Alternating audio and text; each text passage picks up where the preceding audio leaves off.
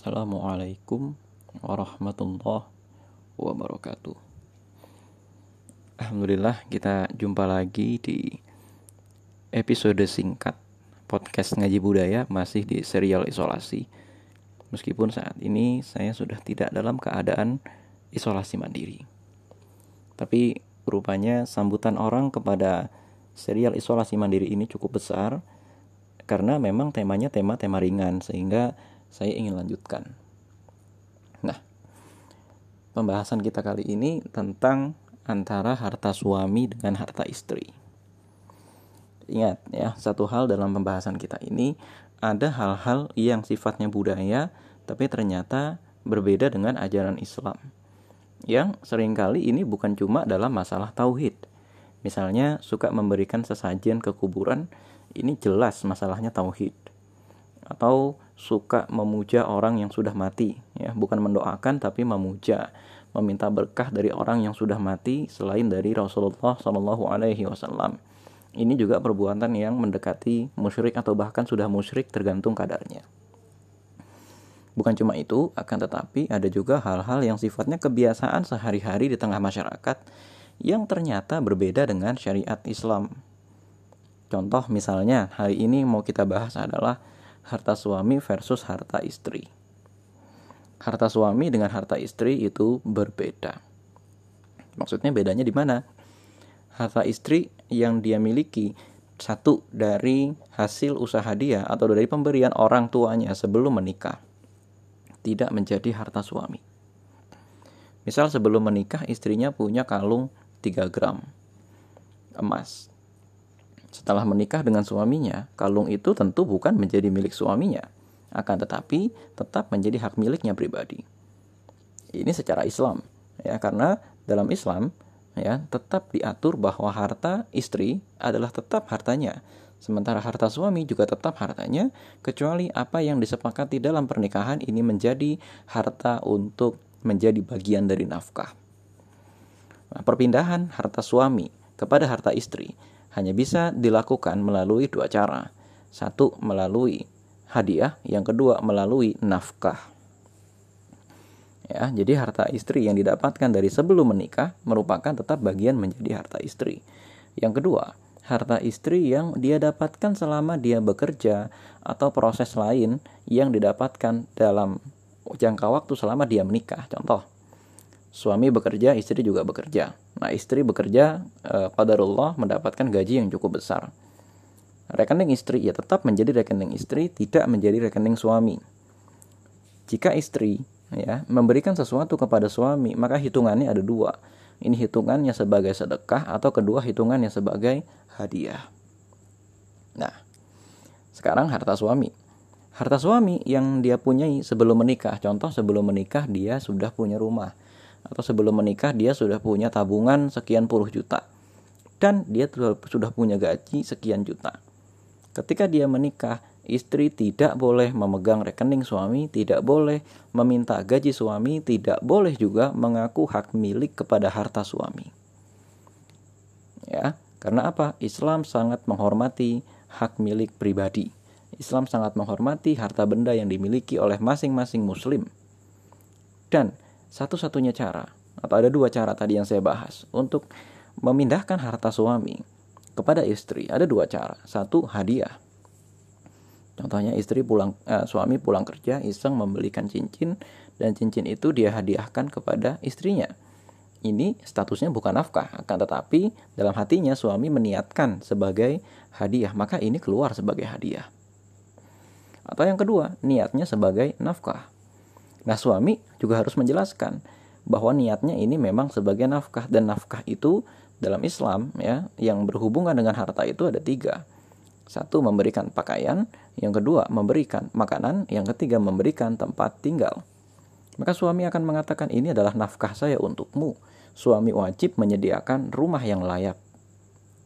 Yang kedua, suami juga wajib memberikan makanan yang layak dan bergizi. Ya, dan yang ketiga, suami juga wajib menyediakan pakaian yang baik, layak, dan indah tentu saja, setidak-tidaknya minimal bisa digunakan untuk beribadah. Dan tentu saja bukan cuma untuk beribadah, tapi menjaga kehormatan. Karena kehormatan seseorang akan terlihat dari pakaian yang dia kenakan. Nah, sisanya misalnya begini. Suami punya gaji 5 juta. 5 juta itu belum nafkah, belum. Nafkah adalah sejumlah harta yang disisihkan oleh suami berupa uang. Baik sifatnya langsung uang tunai kepada istri, lalu kemudian oleh istri bagi-bagi, atau suami sudah mengalokasikan ini uang buat uh, apa namanya uang saku. Nah ini uang buat makanan beda sendiri. Ini atau bahkan dikasih makanannya sendiri beda sendiri. Misalnya suami punya pembantu atau punya budak ya lalu budak ini diberikan sejumlah uang. Untuk uang ini dikelola dijadikan makanan untuk dimakan seisi rumah. Jadi nggak sederhana ya. Jadi tidak sederhana. Uh, suami beli mobil misalnya ya. Suami beli mobil. Nah ini sering kali kesalahannya di sini nih. Nah, ketika suami beli mobil, memang dalam hatinya niatnya ini mobil dia sendiri. Cuma karena dia dibutakan oleh rasa sayangnya kepada istri, dia tidak hati-hati STNK-nya atas nama istri. Dari awal, kalau memang ternyata harta itu tidak menjadi hadiah atau tidak menjadi nafkah bagi sang istri, maka dari awal segala surat-surat administrasinya tetap ditulis atas nama suaminya, bukan atas nama istrinya, terkecuali ini sudah menjadi hadiah. Nih, kita beli mobil 200 juta, STNK-nya atas nama istri. Ya sudah, ini berarti statusnya milik istri. Begitu juga dengan rumah.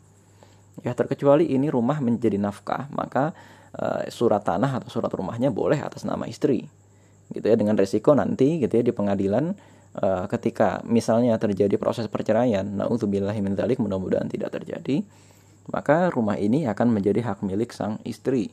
Maka segala sesuatu harus tertib jangan gara-gara rasa sayang kita yang kita kira akan abadi maka kita menyusun semua surat-surat itu atas nama istri termasuk juga misalnya dalam hal ini urusan rekening urusan surat tanah urusan surat-surat kendaraan dan lain sebagainya.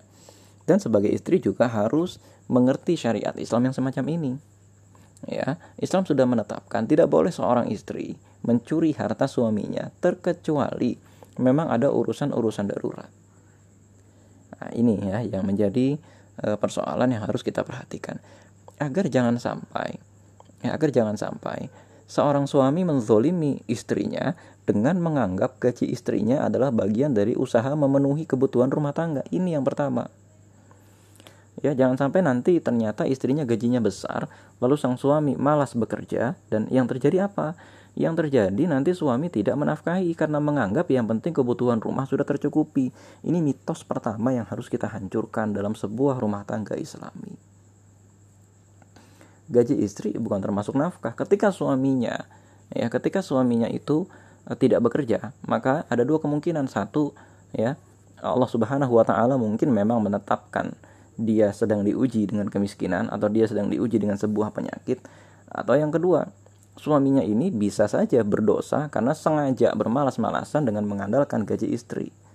Memang sebagai orang yang tidak ada dalam keluarga itu, kita tidak boleh uh, menjudge ya, kita tidak boleh memberikan penghakiman ya, karena menggibah keluarga orang ini termasuk gibah yang sangat berat. Ya, menggibah keluarga orang ini termasuk gibah yang sangat berat.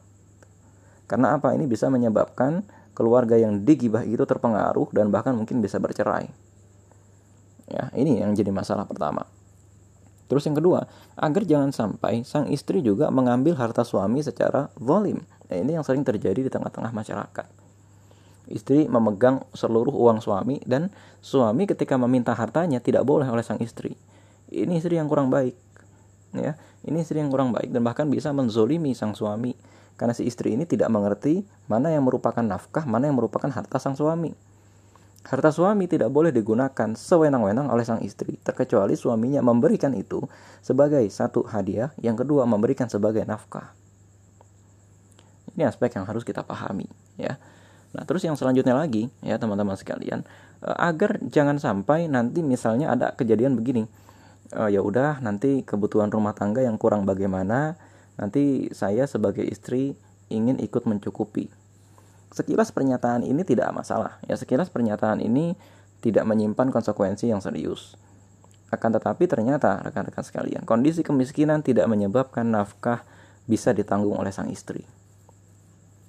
Meskipun memang niat baik istri ya ikut eh, apa namanya? ikut menanggung lah bahasanya ya, ikut menanggung lapar dari keluarga ini, ikut menanggung beban dari keluarga ini.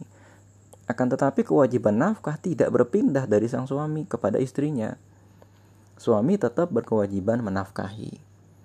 Ya, uh, sang istri gitu ya menurut sebagian ulama, sang istri ini statusnya ada dua kalau ikut menanggung kebutuhan rumah tangga. Satu menjadikannya sebagai sedekah, yang kedua menjadikannya sebagai pinjaman.